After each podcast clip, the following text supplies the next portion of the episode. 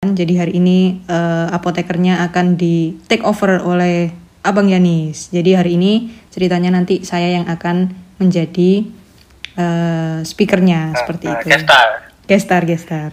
Oke, Abang Yanis mau nanya apa? Kita lupa kenalkan Anita. Mungkin banyak yang belum tahu ya, Anit ya. Kalau kamu dulu pernah jadi kepala informasi di satu rumah sakit di Surabaya, Anit ya. Oh iya, oh iya. Jadi hari ini temanya itu ya, teman-teman mau ngobrolin tentang pekerjaan apoteker sebagai kepala instalasi. Iya, jadi dulu saya pernah yeah. jadi kepala instalasi tapi nggak lama, nggak sampai setahun, cuman berapa bulan ya? 8 bulanan lah kira-kira. Seumur jagung masih an. Jadi kepala instalasinya 8 bulan. Iya. Tapi sebelum itu kan mas apa apoteker klinis gitu ya? -uh, apoteker farmasi klinis, apoteker pendamping lah dulu. Eh bukan pendamping lah ya, ya apoteker farmasi klinis. Dulu gimana nih ceritanya kok kamu bisa jadi kepala instalasi apalagi kamu kan juga pengalamannya waktu itu kan belum banyak ya kayaknya bisa jadi kepala instalasi iya. masih nob banget waktu itu. Jadi ceritanya uh, kan jarang ya locker pernah ada sih beberapa locker kayak di job street gitu langsung nyari kepala instalasi ada. Tapi biasanya kebanyakan nyarinya bukan langsung kepala instalasi kayak gitu. Jadi dulu kalau case-nya yang saya waktu itu masuk jadi apoteker farmasi klinis terus kebetulan waktu itu kepala instalasinya mau pergi mau resign. Jadi nyari orang. Nah ya oke. okay. nyari orang tapi karena manajemennya itu uh, kurang prefer kalau nyari dari luar jadi pinginnya dari orang dalam. Nah kandidat orang dalamnya setelah dipilih-pilih itu juga nggak dipilihnya lihat banyak uh, banyak dari banyak sisi. Jadi misalnya sipanya masih bisa nggak? Soalnya waktu itu yang senior senior itu sipanya udah pada jadi APJ di tempat lain. Jadi kan bisa di apotek ya jadi kan nggak bisa dipakai tuh. Yeah. harus cari yang sipanya lagi lowong. Nah waktu itu akhirnya saya lah yang terpilih. Cuma kamu yang lowong nih? Sebenarnya ada banyak sih cuman dari beberapa yang ditawari ya yang lowong dan yang berminat cuma saya. Yang lainnya belum berminat waktu itu. Itu ceritanya. dari, dari yang sudah kerja di situ ya? Mm-mm, betul, yang sudah kerja di situ. Dia tahu sistemnya juga langsung nggak ngajari lagi gitu. Betul, kalau orang luar kan takutnya dari awal ya, jadi masih nggak tahu, masih buta gitu. Kalau kerjanya jadi kepala salah itu apa aja sih? Apa bedanya sama waktu kamu masih jadi apoteker klinis itu? Sebenarnya mungkin kegiatannya sama dengan apoteker yang ada di apotek, jadi cover semuanya yang kepala instalasinya itu cuman make sure memastikan bahwa semua pekerjaan di instalasi farmasinya itu berjalan lancar. Ya mulai dari perencanaan, pemilihan, pengadaan, terus habis itu penyimpanan sampai distribusi, dispensing baik ke rawat inap, ada yang kerajal, terus ada yang floor stock di lantai-lantai atau di IGD semacam itu. Sampai pelaporan, terus habis itu pemusnahan, terus bikin evaluasi, evaluasi dari bagian formasinya jadi per orang itu kayak di evaluate gitu terus habis itu udah kayaknya itu bikin laporan-laporan sih yang banyak. Laporan ke internal untuk rumah sakit ke atasan dan juga ke luar ke eksternal kayak ke ke semacam itu. Lebih banyak kegiatan manajemennya daripada klinisnya. Apa kamu ada hampir nggak ada klinisnya? Apa masih ada dikit-dikit? Banyak manajemennya sih. Klinisnya ada dikit-dikit biasanya cuman kayak substitusi semacam itu. Tapi kalau yang di lapangan banget udah nggak handle kita. Jadi kita lebih ke ya bener manajerial sih. Udah nggak udah nggak turun ke lapangan kayak pelayanan ke pasien. Itu jarang banget. Kadang turun tapi kalau case-case urgent misalnya ada yang nggak masuk kepaksa gantiin nah itu bisa. Gitu. Berarti kamu kan juga manage SDM-nya nih ya? Betul. Gimana nih caranya? Mungkin biar bisa apa mendekati atau apa ya? Akrab dengan yang senior senior gitu. nah itu ilmu apa ya? Ilmu ilmu katon bahasa Jawanya. Ilmu. Ilmu kehidupan wede apa ya? Apa nih? Ya kayak kita kayak di kayak cari temen zaman kuliah gitu sih. Ya yang penting komunikasinya. Apa gimana? Balik lagi komunikasi. Komunikasi sama apa ya? Sama mungkin kalau orang yang lebih tua itu kan lebih suka ngewejangi ya. Nah itu biasanya lebih dengerin terus nurut semacam itu sih. Lebih mendengarkan aja gitu. Mm -mm. Tapi kadang ya kerja kalau di dunia kerja itu kan tujuan kita kan sama ya walaupun beda person gitu tujuannya kan sama pokoknya eh, unitnya lancar kayak gitu. Cari duit. Ah cari duit atau itu ujung sekali ya cari duit. Dan biar unit farmasinya kan lancar pokoknya kan kita nggak suka kalau misalnya ada masalah atau ada ya problem kayak itu kan nggak suka sama-sama nggak suka. Walaupun posisinya entah itu aping entah itu apa kan nggak seneng oleh karena itu kita biasanya ya kerjasamanya di situ. Pokoknya tahu tujuannya goalnya. Pokoknya pingin pekerjaan hari itu selesai dengan lancar tanpa ada masalah. Jadi kerjasamanya di situ. Kalau deketin orangnya by ya tadi by personal sih. Mungkin nanya-nanya juga sedikit basa-basi gitu mungkin ya. Nanya rumahnya di mana terus uh, mungkin yang sudah berkeluarga anaknya berapa basa-basi semacam itu sih. Sama kayak kamu di puskesmas juga kan. Kan banyak tenaga kesehatan lain tuh. Ada dokter kan kita juga harus menjalin persahabatan. Hubungan ya. Hubungan. Persahabatan. Kepompong bagi kepompong.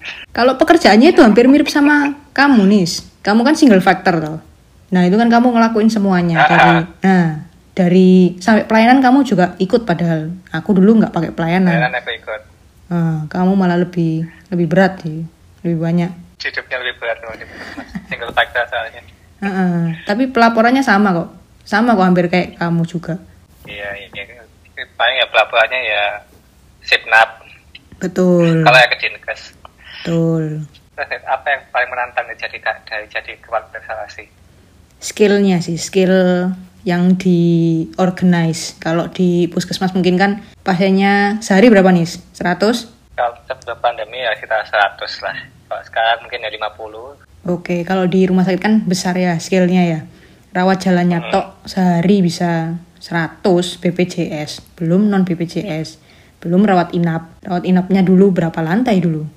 Banyak lantainya, lebih dari. tinggi sekali itu Mm-mm, jadi karena skillnya besar, nah itu yang menyebabkan sulit, sulitnya di situ.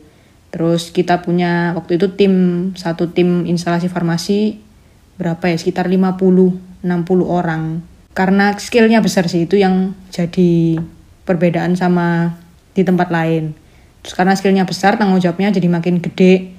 Dana yang diolah juga makin gede. Nah itu tanggung jawabnya jadi makin lebih gede lagi. Pressernya di situ sih biasanya. minus uang dan orang ya Mm, uang uang orang sama barang obatnya itu kan jadi macamnya banyak ya kan karena rumah sakit mulai dari Iya. injeksi wis infus segala macam wis masuk semua alkesnya ya banyak iya aku paling masuk situ udah lupa semua alkesnya alkes apalagi kayak yang eh yang buat pertulangan itu wah itu kan tiap orang bisa beda ya ukurannya itu jadi punya banyak banget itemnya. Kalau stok opnam pasti pusing sekali. Iya stok opnam dulu berapa? Sebulan sekali dulu stok opnam stok opnam. Tapi kamu kan ya ikut stok opnam kan? Tiba tinggal lima laporan. Kalau yang pas jadi kepala instalasi iya, tapi waktu sebelum itu ikut stok opnam. Jadi udah pernah ngerasain stok opnam barang segitu banyak. Itu gimana. Rasanya.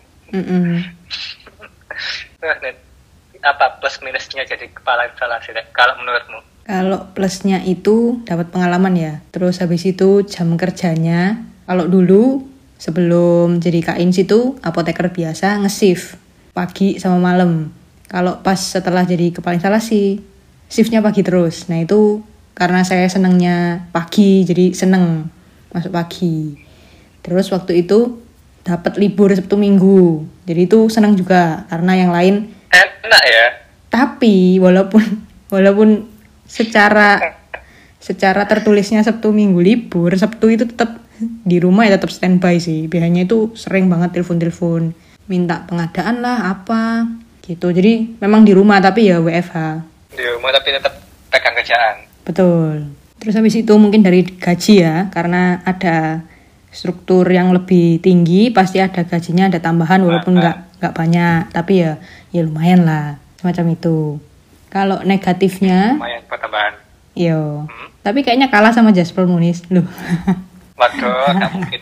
Kalau negatifnya, negatifnya itu pasti pressure ya waktu itu karena apalagi waktu itu masih fresh grade. Jadi habis lulus langsung masuk rumah sakit berapa bulan langsung jadi kepala. Nah itu anak fresh grade kan masih polos-polosnya ya kan masih masih ya masih sangat polos. Nah jadinya kalau ada pressure itu merasa Jadi apa ya? panik biasanya. Heeh, panik gitu. Terus menyalahkan diri sendiri wah aku nggak bisa. Padahal ya belum tentu belum tentu juga karena kita gitu ya kan. Ketawamu loh. Macam itu sih. Ya belum kalau banyak faktor yang kita nggak bisa kendalikan itu ya. Betul betul negatifnya sih. Menyalahkan diri sendiri terus. Banyak apa tekanannya. Tapi sebanding dengan gajinya kan gajinya tadi lebih banyak. Otomatis tekanannya ya lebih banyak dong. Masa lebih murah kok enak? Gitu. Terus habis ya itu? ada yang mau lah. Heeh. habis itu apalagi ya negatifnya? Kayaknya cuman itu aja deh. Pressernya itu doang sih. kamu apa? Plusnya kamu nggak dapat parkiran khusus kepala instalasi itu nggak ada? Waduh nggak ada. Zaman dulu yang dapat parkiran khusus cuma Pak Dir. Pak Direktur sama owner sama dokter. Kalau farmasi mah kamu kok enggak. nggak dapat nih ya enggak lah tetap parkir di parkir karyawan. Tapi kamu dapat parkir ya Nis? Di puskesmasmu ya? Ya di, di puskesmas pakainya ya siapa cepat ya dapat. Gak peduli dia dokter di habis dan perawat siapa cepat ya dapat. Oh nggak ada pelang khusus nomor plat nomor Bapak Yanis? Kecuali punya, kepala kepala puskesmas biasanya udah sadar diri lah kita nggak mau nempatin. Udah di itu ya dikasih slot. Itu iya kayak aturan tidak tertulis itu loh itu udah punya kepala. Siap-siap. Apalagi ya negatifnya kayaknya itu doang sih. Tapi karena itu jadi kayak banyak sambat semacam itu kan. Merembetnya ke sana. Memang dalam hidup harus sahabat iya ya terus Nit karakter apa yang diperlukan untuk jadi seorang kepala instalasi yang baik Nit seperti kamu dulu. Waduh aku belum belum di, belum bisa disebut baik sih. Soalnya baru bentar. Karakternya paling itu sih harus tangguh ya. Nggak boleh menyerah. Ah, terus nggak boleh baperan harusnya. Itu tapi kayaknya karakter untuk semua profesi pekerjaan deh. Jangan mudah baperan. Jadi kalau di dunia kerja eh ya didengerin orang ngomong didengerin yang masuk akal diambil yang nggak masuk akal kayak baper-baper gitu wis itu dikesampingin aja nggak usah didengerin. Terus habis itu kalau di rumah sakit itu karena case-case-nya kadang itu membutuhkan keputusan yang cepat. Jadi problem solvingnya itu harus oke. Tapi itu tergantung dari pengalaman juga sih jam terbang. Makin lama kan nanti pasti makin ngerti makin tahu kalau awal-awal ya wajar lah kalau misalnya agak lama memutuskan sesuatu nggak apa-apa normal. Terus habis itu problem solving terus kritis mungkin pemikiran yang kritis. Terus habis itu kalau farmas ke eh, pengetahuan farmasinya butuh sih. Di kadang dipakai juga yang manajerial klinis juga kadang dipakai. Itu doang sih kayaknya yang paling penting di dunia pekerjaan. Yang lainnya mungkin penting tapi prosentasenya minor-minor gitu. Jangan lupa yang paling penting Nit awal mau belajar. Oh iya. Ya bener banget Bang. itu kayak yang kita tekankan setiap orang ke, mau masuk kerja tak mau gitu. Kok baik anda? Buat kesurupan apa kita kan nggak mungkin masuk kerja langsung bisa pasti harus belajar dulu. Iya betul sih. Karena sis- aku sistemnya beda kata mutiara banget. Nah, apa nih quote quote hari ini Nah, kan tadi, kan, tadi kamu kan bilang ya kalau dari jadi kepala instalasi tentu gajinya mungkin lebih tinggi mungkin ada tunjangan-tunjangan lainnya. Betul. Bisa bisa dibisikin di apa? Dibisikin. Dibisikin tapi semua dengar. Dibisikin tapi kenceng. Kalau gaji pokoknya kan UMR ya standar. Kalau oh ya for your jadi information. pokoknya UMR Iya, kalau di pelayanan itu lebih rendah daripada industri nih. Ini sepengetahuanku ya, se di beberapa tempat yang tak ketahui sih. Apalagi kalau kayak apotek itu lebih besar kalau masuk industri. Maksudnya orang baru masuk industri itu lebih gede. Kalau apoteker, kalau di pelayanan itu emang lebih dikit. Jadi disamakan dengan UMR waktu itu. Waktu zamanku ya, mungkin kalau sekarang mungkin sudah berevolusi menjadi lebih baik. UMR, terus habis itu ada tunjangan yang struktural itu karena jadi kepala plus SIPA. Nominalnya sih berapa ya? Masa disebutin jangan lah. jangan datang itu enggak ada Tunjangan apa? Yang datang kerja pasti harus lah kedatangan gitu Gak ada dulu. Itu malah ada di industri. Kalau misalnya full waktu kamu masuk semua nggak ada absen, nah itu dapat. Kalau di kita rumah mau Mm-mm. nggak bisa bolos kan bolos aja nih sama Ah. kalau ada so Iya itu kalau di rumah sakit kayak gitu sih. Tapi ini kan bisa beda-beda ya per rumah sakit ya. Terus per daerah juga bisa beda. Nah terus kebijakannya rumah sakitnya beda-beda juga betul. Terus habis itu eh, uang makan itu dulu sih saya nggak dapat. Jadi ya wis include di gaji. Uang makan, uang bensin nggak ada. Kakak nggak dapat uang makan di disuruh puasa gitu enggak Puasa tapi kerjanya ekstra. Wah bisa pingsan dong. Tengah-tengah hari pingsan Mm-mm. kan kan UGD dekat Iya sih, nyemil itu ya, nyemil omeprazol. nanti dikasih D40 nggak apa Oh iya, nyemil di 40 bener-bener. Atau laktos biasanya. Lak- Laktos yang buat muir. Sukrus, sukrus. mungkin D40 betul Iya. D40 harganya lebih mahal daripada nasi bungkus, Bapak Yanis. Iya saya tahu itu. Terus kamu ada pesan-pesan apa buat teman-teman yang mungkin pengen jadi instalasi suatu hari nanti? Nah, pesan-pesannya sih yang apa ya? Soalnya case yang bisa jadi kepala instalasi dalam waktu cepat itu kan jarang ya. Kecuali kalau misalnya udah senior, udah kerja misalnya berpuluh-puluh tahun di suatu rumah sakit, terus ada rumah sakit cari tahu-tahu kepala instalasi. Nah, itu bisa. Tapi kalau yang ngerintis dari bawah, ya pesan-pesannya bersabar. Kalau memang emang passionnya pengen jadi kepala instalasi ya kamu harus sabar di situ dulu sampai me- menitih karir dulu entah berapa tahun nanti kan kalau ada kesempatan langsung sikat lah. Jadi kepala instalasi. Gitu. Biasanya kesempatannya terbuka kalau kepala instalasi yang lama mengundurkan diri. Itu langsung kosong. Langsung misalnya kalau berani ya mungkin menawarkan diri atau seperti apa atau nunggu ditunjuk juga bisa. Pesan-pesannya sih itu sih. Terus sambil menunggu itu mungkin kalian bisa upgrade diri nambah belajar nambah ilmu. Kan belajar bisa dari mana aja ya tadi seperti kata Yanis itu Ikut webinar. ikut webinar, ngumpulkan SKP yang banyak. itu aja sih. Kita ikut webinar untuk upgrade ilmu nih, bukan untuk SKP. Oh iya, betul sekali. Terus yang paling penting itu sih sebelum eh, memutuskan jadi kepala instalasi ditimbang-timbang dulu plus minusnya karena kan pasti tanggung jawab yang lebih nanti pasti akan ada yang dikorbankan kan entah waktu kalian main atau waktu kalian nonton drakor jadi berkurang itu kan ngaruh mungkin bisa jadi pertimbangan juga. Jadi harus siap mental sih disiapkan dulu mentalnya. Karena kepala instalasi itu jabatan yang cukup menantang. Wih. Nanti jadi kepala instalasi, recommended nih. recommended sih kalau untuk orang yang kalau untuk orang yang emang passion ya. Menyenangkan kok. Jadi tahu eh, banyak hal. Karena misalnya kalau di ranah yang apoteker rawat jalan atau rawat inap gitu kan cuman tahu di unit itu aja kalau kepala instalasi itu nanti wawasannya jadi terbuka gitu loh. Lebih tahu segalanya. Ya gak segalanya sih. Manajerial sih khususnya jadi lebih tahu. Oh rumah sakit itu kebijakannya itu gini karena ini. Nah biasanya kalau di orang yang bawa kan taunya cuman oh peraturannya ini nggak ngerti alasannya kenapa. Nah itu sih. Jadi lebih menambah wawasan. Kamu dulu juga diajak nih dalam mengambil kebijakan-kebijakan gitu.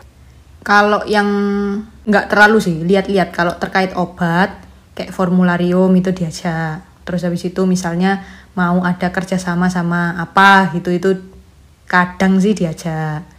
Terus itu sih biasanya. Lainnya itu udah diputusin manajemen kita ngikut. Jadi misalnya asuransi nih nambah asuransi baru asuransi X gitu masuk. Nanti langsung Anita langsung kamu ikutin ya ini. Obatnya gimana? Maksudnya ada semua atau enggak? Nanti pelajari peraturannya klaim-klaimnya gimana? Macam itu Ya, ya. Berarti sudah ada tim manajemen sendiri untuk kebijakan-kebijakan tertentu ya. Mm-mm, udah ada. Iya jadi Semoga memberi pencerahan untuk yang ingin jadi kepala instalasi. ya oke. Dan memberi semangat semoga ya. Semoga menginspirasi juga. Oke sekian dulu podcast kali ini. Terima kasih sudah mendengarkan. Sampai jumpa